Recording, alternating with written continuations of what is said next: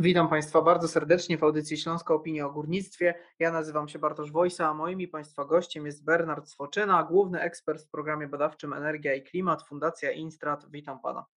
Witam Państwa. Panie Bernardzie, w swojej e, najnowszej publikacji pisze Pan, że to nie energetyka, a górnictwo stanie się głównym e, wygranym na wzroście cen prądu. Skąd e, taki wniosek? Stąd, że tak jak widzimy po danych publikowanych przez Agencję Rozwoju Przemysłów w Katowicach, ceny węgla sprzedawanego przez górnictwo do energetyki istotnie wzrosły. W związku z tym energetyka będzie miała niższe zyski, dlatego że już widzimy, że ceny prądu zostały odgórnie ograniczone na sprzedaż do wielu odbiorców, natomiast górnictwo będzie mogło zarabiać więcej. Właśnie w nawiązaniu e, do tego, o czym Pan e, pisał, no, czy polskie kopalnie e, nadążą z obecnym popytem na węgiel, który tak wysoki chyba nie był od lat, choć jednocześnie wydobycie jest najmniejsze od 2020 roku, kiedy pojawiła się pandemia. Tak, rzeczywiście wydobycie węgla cały czas spada, co w normalnych sytuacjach byłoby naturalne, dlatego że po prostu istniejące złoża są wyczerpywane, a zapotrzebowanie na węgiel spada. Natomiast w momencie wojny, kiedy e, zostały odcięte dostawy przede wszystkim tego węgla dla gospodarstw domowych, no to mamy sytuację kryzysową i e, w tej chwili tego węgla naprawdę brakuje. W mniejszym stopniu brakuje węgla dla elektrowni, bo taki węgiel da się kupić za granicą, ale bardziej brakuje właśnie tego węgla dla domów. Mhm. E, niedawno podano e, statystyki dotyczące tego, ile górnictwo w ogóle e, zarobiło i była to kwota rekordowa. No mając to wszystko na uwadze, czy, czy można wysnuć taki wniosek, że dla branży te wysokie ceny węgla tak naprawdę to dobry omen, bo oznaczają więcej pieniędzy dla firm górniczych, ale no paradoksalnie ogromny minus dla przeciętnego mieszkańca, no, który za ten węgiel musi zapłacić więcej, o ile w ogóle uda mu się ten węgiel dostać. Czy, czy tak to wygląda?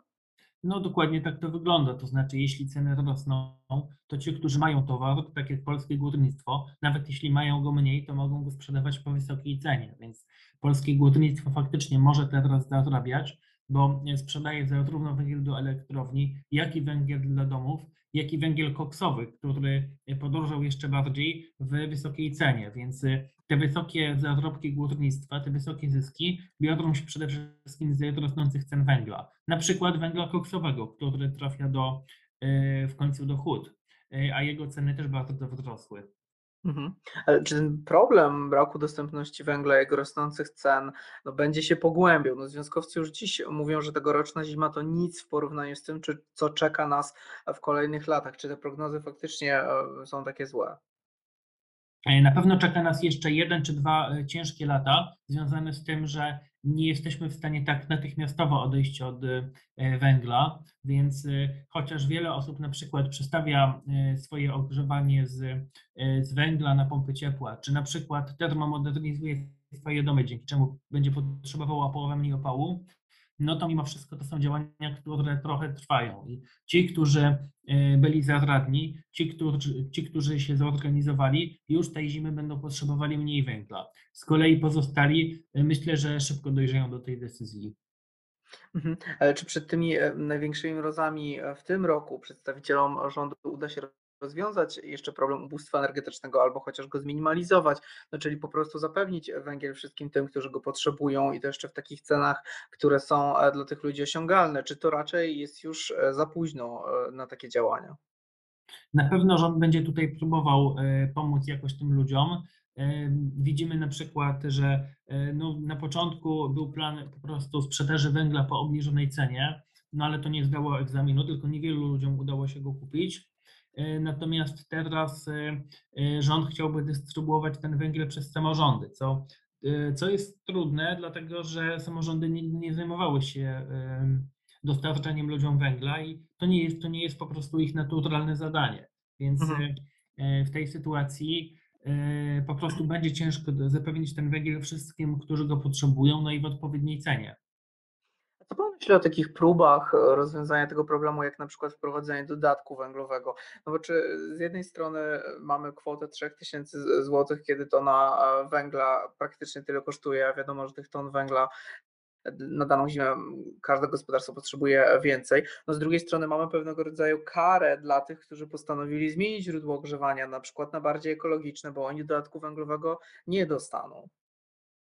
Ci, którzy ogrzewają się innymi źródłami energii, też dostają jakieś dodatki. Czy jest to e, gaz ziemny, no to mają odregulowaną cenę. Czy jest to e, ciepło sieciowe, no to wtedy mają odregulowaną cenę. Czy nawet drewno, no to jest dodatek. Jest niższy, ale, ale też jest. Więc e, tutaj można powiedzieć, że w ten sposób rząd próbował jakoś krótkoterminowo dać jakąś ulgę tym, którzy rzeczywiście ogrzewają się węglem i rzeczywiście jeszcze mimo, mimo tego, że wiadomo będzie, że, że zrezygnujemy z węgla, że jeszcze tych, tych piecy nie wymienili. Natomiast to będzie postępować. Ludzie, którzy tej zimy się zawiodą na węglu, pomyślą o tym, żeby ocieplić swoje domy, żeby wymienić źródło ciepła, a w niektórych przypadkach nawet się przeprowadzić po to, żeby po prostu nie potrzebować tyle tego węgla i nie płacić tyle za ogrzewanie.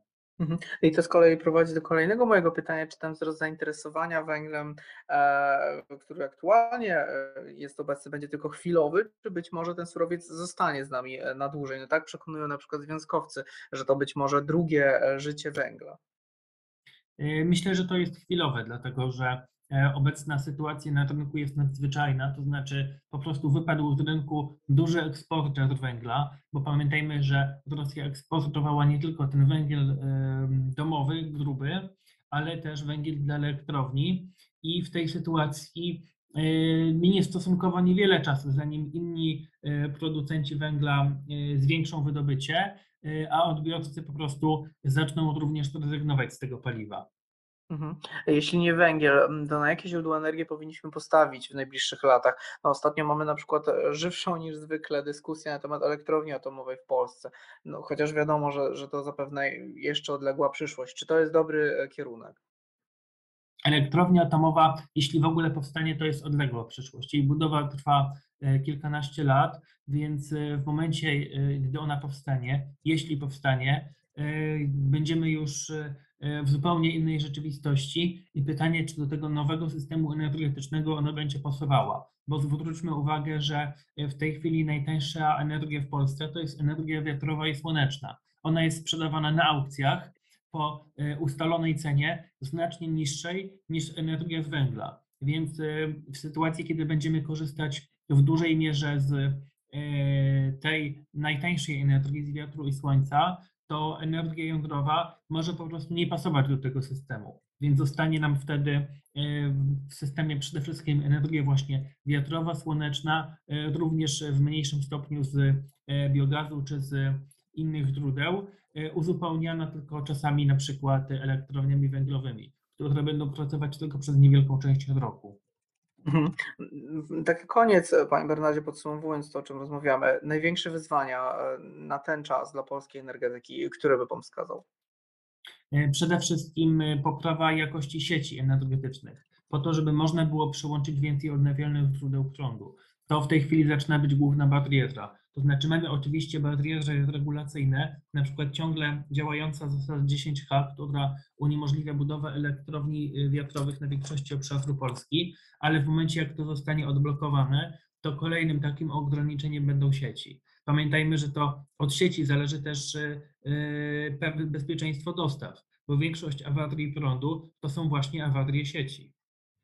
Mhm. No, będzie się na pewno przyglądać, panie Konradzie, temu, jak rząd sobie będzie radził z tymi problemami, które nas czekają, no i też e, temu, jak poradzi sobie z ubóstwem energetycznym, które już tak naprawdę się pojawia w tak dużej e, skali. No to jeszcze ważna informacja dla naszych słuchaczy o sprawach dotyczących górnictwa, smogu, klimatu, w ogóle energetyki i nie tylko. Możecie Państwo codziennie czytać na naszej stronie internetowej śląskaopinia.pl. A ja dziękuję Panu bardzo za rozmowę. Naszym gościem był Pan Bernard Swoczyna, główny ekspert w programie badawczym Energia i Klimat Fundacja Instrat. Dziękuję panu bardzo. Dziękuję.